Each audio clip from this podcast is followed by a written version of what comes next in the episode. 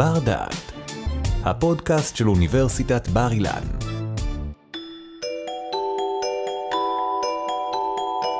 שלום, ברוכים וברוכות הבאות לבר דעת. מה גורם לחוקר לצאת ולבצע חפירה ארכיאולוגית? האם רק הרצון לחקור את ההיסטוריה, או שמעורבים גם גורמים נוספים, כמו למשל הרצון להצדיק אידיאולוגיה באמצעות הממצאים הארכיאולוגיים. בדיוק את המתח הזה, שבין ארכיאולוגיה לאידיאולוגיה, ננסה לבחון היום בעזרת פרופסור אהרון מאיר מהמחלקה ללימודי ארץ ישראל וארכיאולוגיה על שם מרטין זוס. שלום אהרון. שלום רב, כיף להיות כאן. המון המון תודה שהצטרפת אלינו כאן היום. הסיפור הזה של חפירות ארכיאולוגיות תמיד נורא מעניין, והשאלה הזאת היא על איך החפירות עצמן באמת משפיעות על שאלות שהן גם פוליטיות ואידיאולוגיות. באמת נראית לי כמו שאלה שאולי לא באמת קשורה, ואנחנו נבין תוך כדי השיחה שלנו איך הדברים מתקשרים. אולי תוכל לתאר לנו איך בכלל נראית חפירה ארכיאולוגית, איך נראה אתר של חפירות ארכיאולוגיות? אוקיי, okay, בכיף. קודם כל בארץ, אה, בגלל שאנחנו אה, מדינה שמלאה בשרידים תרבותיים מאלפי שנים, מתנהלים מאות על פני מאות אה, חפירות כל שנה. רובן ככולן הם חפירות הצלה, כלומר חפירה שסוללים כביש חדש, אז חייבים לעשות חפירה עם, אה, במקום, שרובם, אה, רוב החפירות האלו נעשות בידי רשות העתיקות, ובנוסף לזה יש חפירות יזומות מדעיות, שבדרך כלל נעשות על ידי מוסדות מחקר או מהארץ או מחו"ל, ואז אה, לרוב בקיץ, לחודש או משהו כזה, קבוצה של ארכיאולוגים, סטודנטים ומתנדבים באים לחפור באיזשהו אתר, וזה יכול להיות אתר מכל התקופות והתרבויות.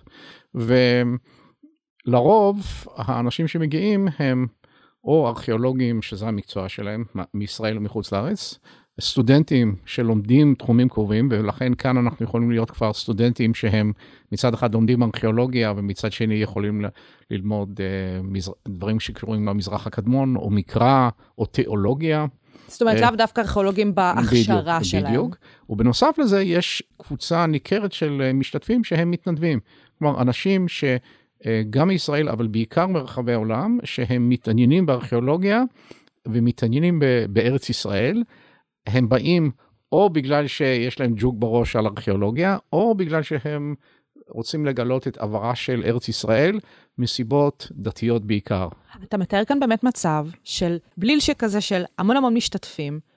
מה הקר הזה מאפשר להבין על הסיפור הזה של בכלל חפירות ארכיאולוגיות? אז קודם כל, זה סלט מדהים של אנשים. כלומר, באמת אה, אה, מגוון רחב, וקודם כל, גם כמנהל פרויקט וגם כמשתתפים של הפרויקט, אז צריכים להיות מאוד מאוד אה, אינקלוסיביים, ולקבל את הדעות השונות, ולנסות לעזור לאנשים לחיות ביחד, אף על פי שלא פעם באים מרקע מאוד מאוד שונה מכל הבחינות, גם אידיאולוגית, גם מקום מגורים ועוד כהנה וכהנה דברים. ולכן, קודם כל, זה, זה מעניין בפני עצמו, וזה... אפשר לעשות מחקר אנתרופולוגי על אתרים ארכיאולוגיים. ממש. ממש, ממש, כלומר, ואיך האנשים מסתדרים ו, ונוצרים, אה, ולפעמים החברויות שנוצרות שם הן אה, לתקופות ארוכות בין אנשים שבאים ממזרח וממערב, זה מאוד מעניין. ובנוסף לזה, זה גם מספר לנו משהו על מי מתעניין בארכיאולוגיה של ארץ ישראל. אם אנחנו נלך, אני יודע, לשוודיה, אז אנשים שמתעניינים בארכיאולוגיה הם בדרך כלל ארכיאולוגים, פלוס כל מיני משוגעים לעניין של ההיסטוריה. בארץ יש פן נוסף, וזה הפן שקשור אה, בימינו להיבט הדתי, שזה בעיקר נוצרי או יהודי, שדרך סיפורי התנ"ך, שזה או התנ"ך היהודי או הברית החדשה הנוצרית, הם מחפשים את הרקע של התשתית האידיאולוגית של הדתות שלהם. אה, וזה לא פעם קשור בעניין, וכפי שאנחנו נשוחח, זה משנה ומערבב ועושה את זה מעניין.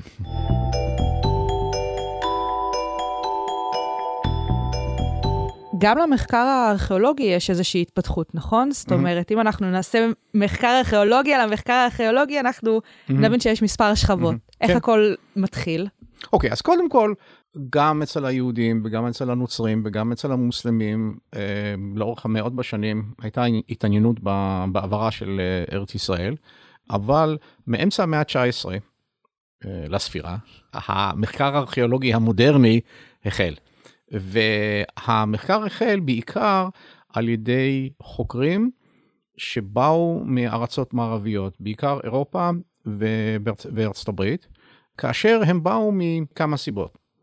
קודם כל ברקע היו הכוחות האימפריאליים שרצו דריסת רגל באזור של המזרח התיכון, גם במסגרת המבט הכללי האימפריאלי וגם על סמך זה שהאימפריה העות'מאנית הלכה אה, ונחלשה ו... היה הח... בוואקום הזה, מישהו כן, ניסה ככה... ניסו כל הזמן להיכנס, ולכן למשל, חלק מהחוקרים הבריטים שמגיעים לארץ אה, במחצית השנייה של המאה ה-19, והם אה, ממפים ומתארים את ארץ ישראל בתיאור שעד היום הוא אחד התיאורים הטובים ביותר שיש, הם למעשה במידה רבה אה, השליחים של הצבא האימפריאלי הבריטי כדי אה, למפות, לתעד את המזרח התיכון אה, לקראת הבאות, והבאות הם בסופו של דבר הבריטים מגיעים לכאן וכובשים, כלומר אם לפני ואם אחרי מלחמת העולם הראשונה חלקים ניכרים של הארץ, ואותו דבר גם, גם הצרפתים, גם הגרמנים, גם הרוסים. האמריקאים במידה אה, הרבה פחותה, אבל אנשים נמצאים כאן, ולא רק בגלל שהם מתעניינים במדע טהור. בארכיאולוגיה, כן. כן. זה דבר אחד. דבר שני, בגלל שארץ ישראל היא נחשבת ארץ התנ"ך, והיא קשורה לקשר מאוד חזק עם המסורות הנוצריות, אז המדינות האימפריאליות הנוצריות גם רצו לשלוח לכאן אנשים שיחקרו את העבר של ארץ ישראל על מנת להאיר את התנ"ך. זאת אומרת, מלבד למניע הקולוניאליסטי שהצגת בהתחלה, יש גם את המניע הדתי. הדתי, בפירוש. ולמשל, ה-Palestine Exploration Fund, שזה הגוף הבריטי שהוקם כדי לחקור את אה, ארץ ישראל, אה, כשקוראים את הצ'רטר של ההקמה, זה כדי לתעד את ארץ התנ"ך ולהבין את התנ"ך יותר טוב. איך המניעים הללו השפיעו על המחקר הארכיאולוגי באזור כאן? אז קודם כל, נתחיל מזה שארכיאולוגיה זה מדע צעיר. כלומר, ולמעשה, רק במחצית השנייה של המאה ה-19 בכלל התחילו לעסוק בארכיאולוגיה בצורה אה, מסודרת. כלומר, עוד לא ברמה שאנחנו אה, מצפים כיום, אבל עדיין התחילו להבין שצריך לתעד בצורה טובה ולחפור בצורה טובה ולהפריד בין שכבות ולנסות להפריד בין לא רק תרבויות, אלא אפילו בין בתים ומה נמצא וכולי וכולי, אבל זה באמת במדע בראשית דרכה. ו... הייתי אומר שבמשך שנים רבות טובי המדענים בתחום של ארכיאולוגיה לאו דווקא באו אה, לארץ ישראל. כי כאן אה, באו הרבה אנשים שבאו מרקע תיאולוגי. וה... למצוא את ה... איפה בני ישראל חצו את הירדן, ואיפה בני ישראל אה, קיבלו את התורה, ו... וכל מיני דברים כאלו אה, היה בראש מעייני החוקרים הללו. זה היה ניסיון במידה רבה, בפשטות אפשר להגיד, להוכיח את התנ"ך. את מה שכתוב בתנ"ך, אני אמצא את זה פיזית כאן או פיזית שם, וככה אני אבצר את האמונות שלי. זאת אומרת שבתקופה הזאת שלפני טרום הקמת מדינת ישראל, האידיאולוגיה הדתית גברה על היכולת הארכיאולוגית. כן, אף על פי שהיו גם חוקרים אה, שבאו עם פחות היבטים דתיים ויותר אה, כלים מח... ויכולות מחקרים, אבל הייתי אומר שבמשך הרבה מאוד שנים הדומיננטיות של ההיבט החפש את השורשים הדתיים היה מאוד מאוד חזק ומורגש במחקר בארץ. כלומר, אמנם נגיד מי שעסק בתרבויות פרה-היסטוריות פחות רלוונטי, והיו חוקרים שהם אה, עשו ארכיאולוגיה לשמה, אבל עדיין הייתי אומר הדומיננטיות של ה- לחפש את משה, לחפש את ישו, לחפש את דוד וכולי. זה היה, היה הקו המוביל. כן, זה היה הקו המוביל, בהחלט.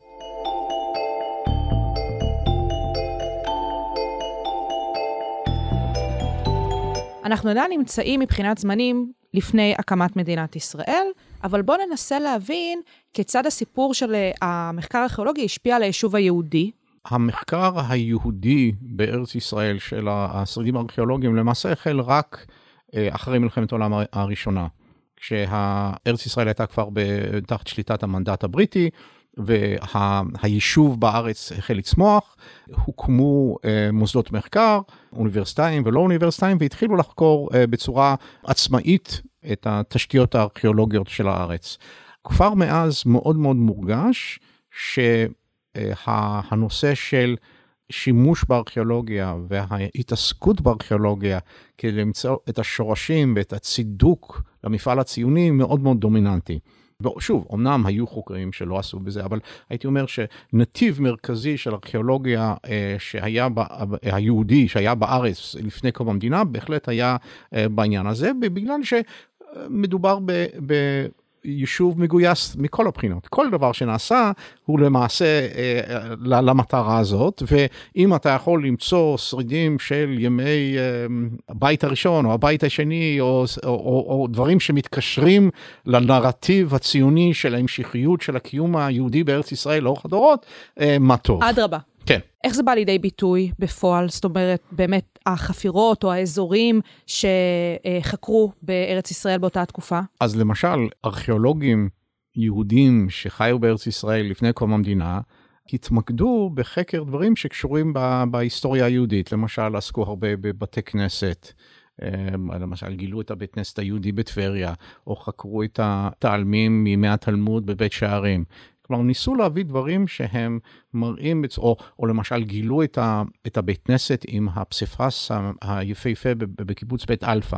כלומר, ו, ו, ואז יש ממש את הקשר, הנה אנחנו חורשים את האדמה אה, מימין ומשמאל, ובמרכז יש לנו את הבית כנסת הקדום של אבותינו לפני אה, 700 שנה או 800 שנה או משהו כזה, ולכן הפך את זה למאוד אה, רלוונטי, כלומר, אה, זה, זה הקושאן שלנו בארץ. כן. החפירות והממצאים כהוכחה.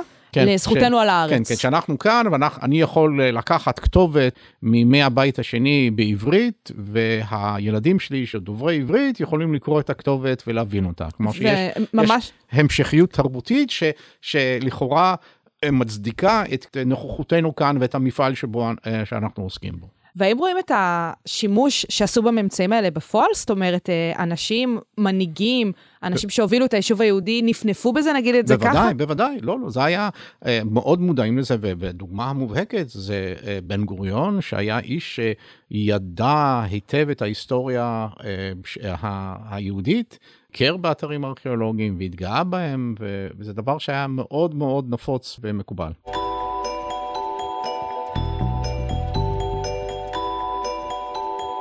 עד עכשיו דיברנו על הסיפור של חפירות ארכיאולוגיות באזור של ארץ ישראל, בין היתר, באמת בשביל לתת צידוקים והצדקות לבאמת אה, זכותנו על הארץ. בואו רגע נתקדם להקמת מדינת ישראל.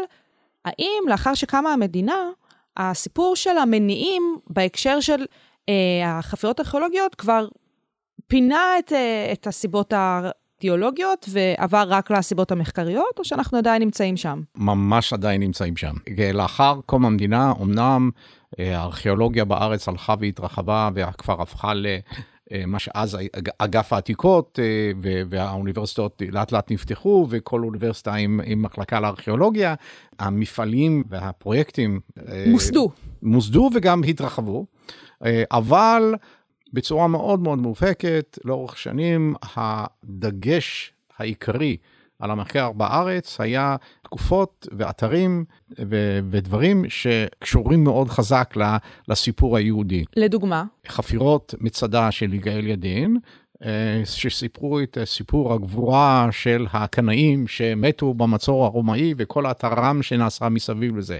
ידין ב, עם עצמות בר כוכבא, וידין בחצור, העיר שנהרסה לכאורה על ידי יהושע, עוד ועוד אה, חפירות שנעשו אה, בארץ, ש...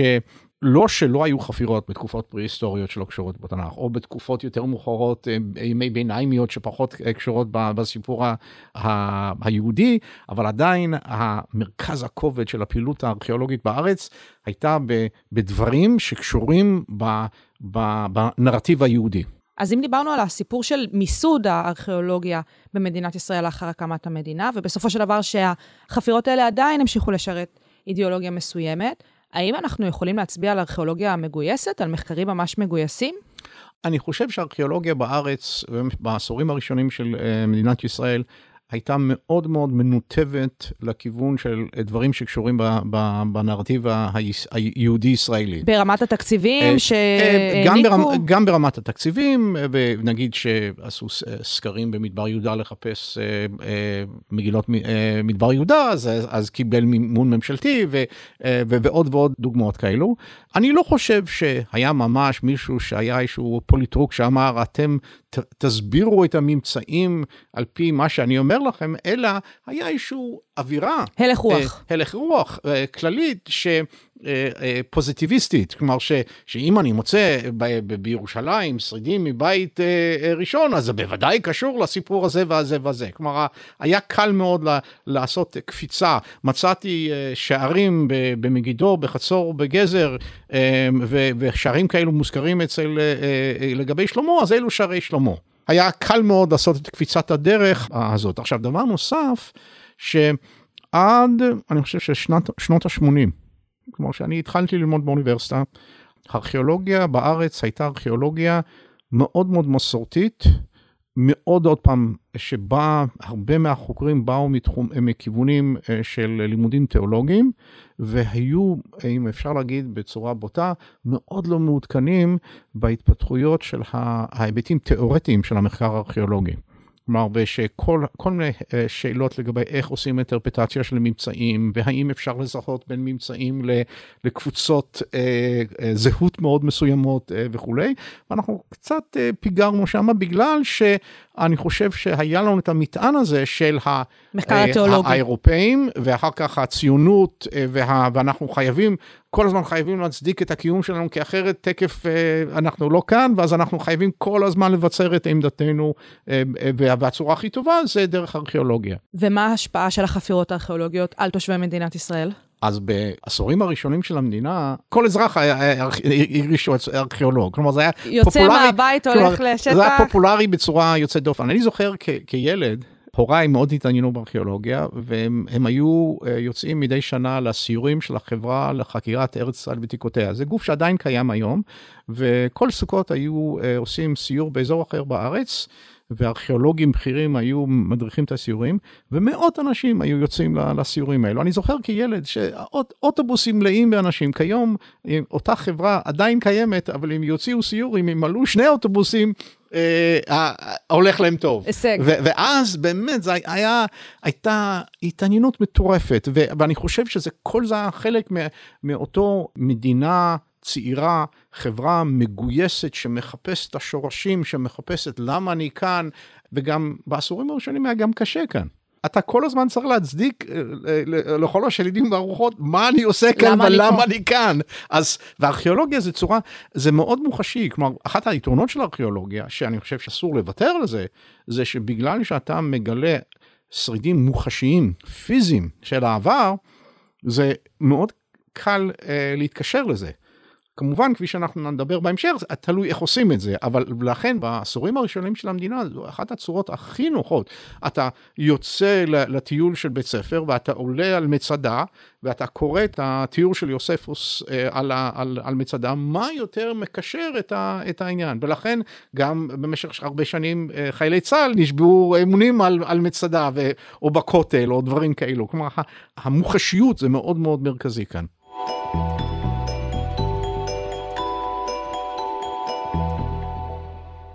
אהרון, אנחנו מגיעים לסיומה של השיחה שלנו, ואם אנחנו באמת תיארנו לאורכה את הסיפור של איך הארכיאולוגיה והאידיאולוגיה השתלבה כאן, על אדמת ארץ ישראל, טרם אה, הקמת המדינה, וגם איך היא נראתה עם הקמת המדינה, אולי ננסה להבין איך הארכיאולוגיה, המחקר הארכיאולוגי והסיפור של האידיאולוגיה שמשתלבת בתוכה, איך זה נראה בשנים האחרונות, בעשורים האחרונים. אוקיי, okay. אז קודם כל, המוטיב של uh, שימוש בארכיאולוגיה כמסייע להבין את הנרטיב היהודי עדיין קיים. ויש כאלו שדוחפים את זה יותר, ויש לפעמים בצורה מאולצת, ויש אה, פחות, אבל הוא בפירוש... זה כאן להישאר זה, גם. זה, זה, זה כאן, וזה נשאר, ואני חושב שזה ארכיאולוגיה ככלי להבין אה, אה, מורשת, כלי שאין אין, אין שני לו. אבל אה, בעשורים האחרונים יש יותר ויותר מודעות למגבלות של האינטרפטציה. כלומר שלא כל דבר שאתה רוצה ממניעים אידיאולוגיים של לקשר בין x לזה y, שמע, אה, כתוב דוד בתנ"ך אז זה חייב להיות דוד כאן, אה, זה לא כזה פשוט, הארמון של דוד זה לא כל כך פשוט, וגם מסיבה של הממצאים הארכיאולוגיים וגם מתוך זה שאנחנו יודעים שה... למשל הטקסט המקראי, או גם טקסטים יהודיים מאוחרים יותר, הרבה יותר מורכבים מאשר שאפשר לקרוא אותם כ... מקשה אחת. מקשה אחת. יש ב... פרשנויות. כן, והוא כפשט אחד, ולכן השילוב הזה שבין קריאה יותר מורכבת של הטקסטים מצד אחד, ו... אינטרפטציה יותר מתוחכמת של הממצאים הארכיאולוגיים אה, מקשה עלינו לרובנו, רוב הארכיאולוגים בקדמת המחקר, לעשות את הקפיצות הדרך הקלות האלו, שאה, מצאתי את זה, זה בוודאי קשור לאברהם אבינו, מצאתי את זה, זה בוודאי קשור למשה רבנו ודברים כאלו. עכשיו, הדבר שבולט בזה, זה שגם בשנים האחרונות, הארכיאולוגיה בכלל בעולם, וגם בארץ, אה, מתפתחת בקצב, הייתי אומר, רצחני, אבל מטורף. גם מבחינת הטכניקות עצמן וגם מבחינה תיאורטית? גם מבחינה תיאורטית וגם מבחינת הטכניקות. כלומר, כשאני למשל משווה בין מה שאני למדתי בראשית שנות ה-80, כשהייתי תלמיד תואר ראשון בארכיאולוגיה, לבין מה שאני מיישם כיום ומלמד את הסטודנטים שלי, אני אוהב להגיד שזה כמו ההבדל בין רפואה של המאה ה-19 לרפואה של המאה ה-21. עד כדי כך. כן, אותן מטרות כלליות, אבל ארגז כלים שונה לחלוטין, וארגז כלים שמאפשר לנו להגיע לתובנות על דברים שלא היה לנו בכלל יכולת להתקרב לזה בעבר. וזה כמובן מעשיר את, ה, את הסיפור שאנחנו יכולים לספר. מצד שני אבל, בגלל שאנחנו יודעים שההיבטים שה, התיאורטיים של אינטרפטציה של, ארכ... של הממצאים הארכיאולוגיים וההיבטים של קריאה מורכבת של טקסטים קדומים, אנחנו מנסים כל הזמן לגשש איך אנחנו מקשרים אותם, אבל אנחנו לא עושים אוטומטית. אה, אז בגלל שאני יהודי ואני קורא את התנ"ך, אז אני אסביר את זה ככה. אנחנו מנסים... פחות לוחצים את העניין הזה. אנחנו מנסים, כלומר, אין דבר כזה מדע אובייקטיבי, ואל תאמיני לי מישהו שהוא יטען שהוא מדען אובייקטיבי, אה, זה בוודאי נכון יותר בתחומים של מדעי הרוח, אה, אבל אנחנו משתדלים מאוד אה, לצקת לתוך המחקר שלנו כמה שיותר אובייקטיביות. ודרך אגב, אם אתה עושה מחקר אינטרדיסציפלינרי ואתה חוקרים שונים עוסקים בזה, אז כל אחד קצת מונע מהשני והשלישי והרביעי לשים יותר מדי מהאידיאולוגיה, מהאג'נדות, גם אם הן נסתרות. זה דבר שמאוד מאוד אה, בולט, אבל צריך להגיד ש... לא כל הארכיאולוגים שעובדים הם כאלו, כי יש עדיין למשל בארץ ארכיאולוגים שעובדים בכל מיני אה, סמינרים תיאולוגיים שבאים מחוץ לארץ ושבאים לחקור ולמצוא את, את שילה ואת הר עיבל וכל מיני דברים כאלו ולעשות את, ה, את הכישורים הישירים האלו המאוד מאוד נאיביים. ודבר נוסף, שיש עדיין שימוש רב בהיבטים של הארכיאולוגים אה, בקרב אה, נגיד קבוצות עם אג'נדה אידיאולוגית או פוליטית מאוד ספציפית שאני אצדיק את מה שאני עושה כאן בגלל שקשור ככה ואני אצדיק את מה שאני עושה שם בגלל יש לי את הממצאים הארכיאולוגיים ואני ואני אחזק את הקשר של יהדות אה, העולם לישראל בגלל הממצאים הארכיאולוגיים וחוזרים לאותן פרשנויות מאוד פשטניות ונאיביות. אבל שוב אני חוזר אני חושב ש... חייבים ומוצדק וראוי להשתמש בארכיאולוגיה כדי אה, ללמד על המורשת. המורשת היהודית, המורשת הנוצרית, המורשת המוסלמית, המורשת הכלל עולמית, בגלל שהממצאים כאן הם לא רק של תושבי הארץ, הם של כלל העולם. וארכיאולוגיה, בגלל שזה בא לידי ביטוי במשהו מוחשי, ובמיוחד שאתה חופר אותה. ונגיד, אם אני חופר בגת פלישתים, האתר שאני חופר, ואני מגלה חרס מתקופ... אה, פלישתים מתקופת השופטים, ואני מתנדב שבא מאיזושהי מדינה רחוקה, כשאני חושף את הדבר הזה, זה משאיר בי חותם שאני אספר לנכדים שלי על זה.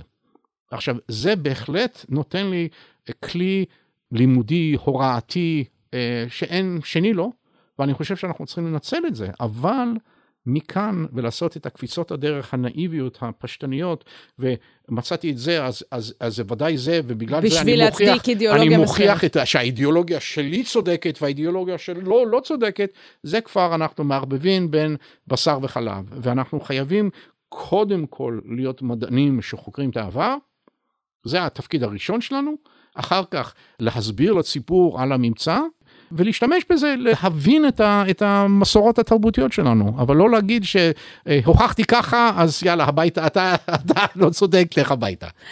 אז עם ההבנה הזאת, באמת על התפקיד של הארכיאולוגיה, וגם עם ההבנה שהיא לא תהיה מנותקת מאידיאולוגיה או מהניסיונות להצדיק באמצעותה אידיאולוגיות מסוימות, כמובן, פשוט כיף ללכת לאתרים ולחפור, כי בוודאי, באמת ההתעסקות בוודאי. הזאת עם הידיים, אין שני לה.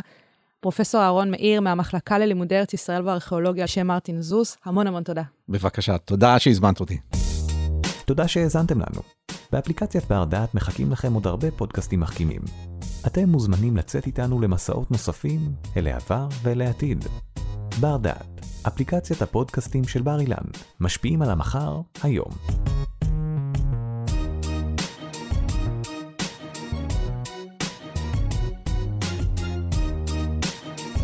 ערכה והפיקה שי קלוט. תודה על ההאזנה.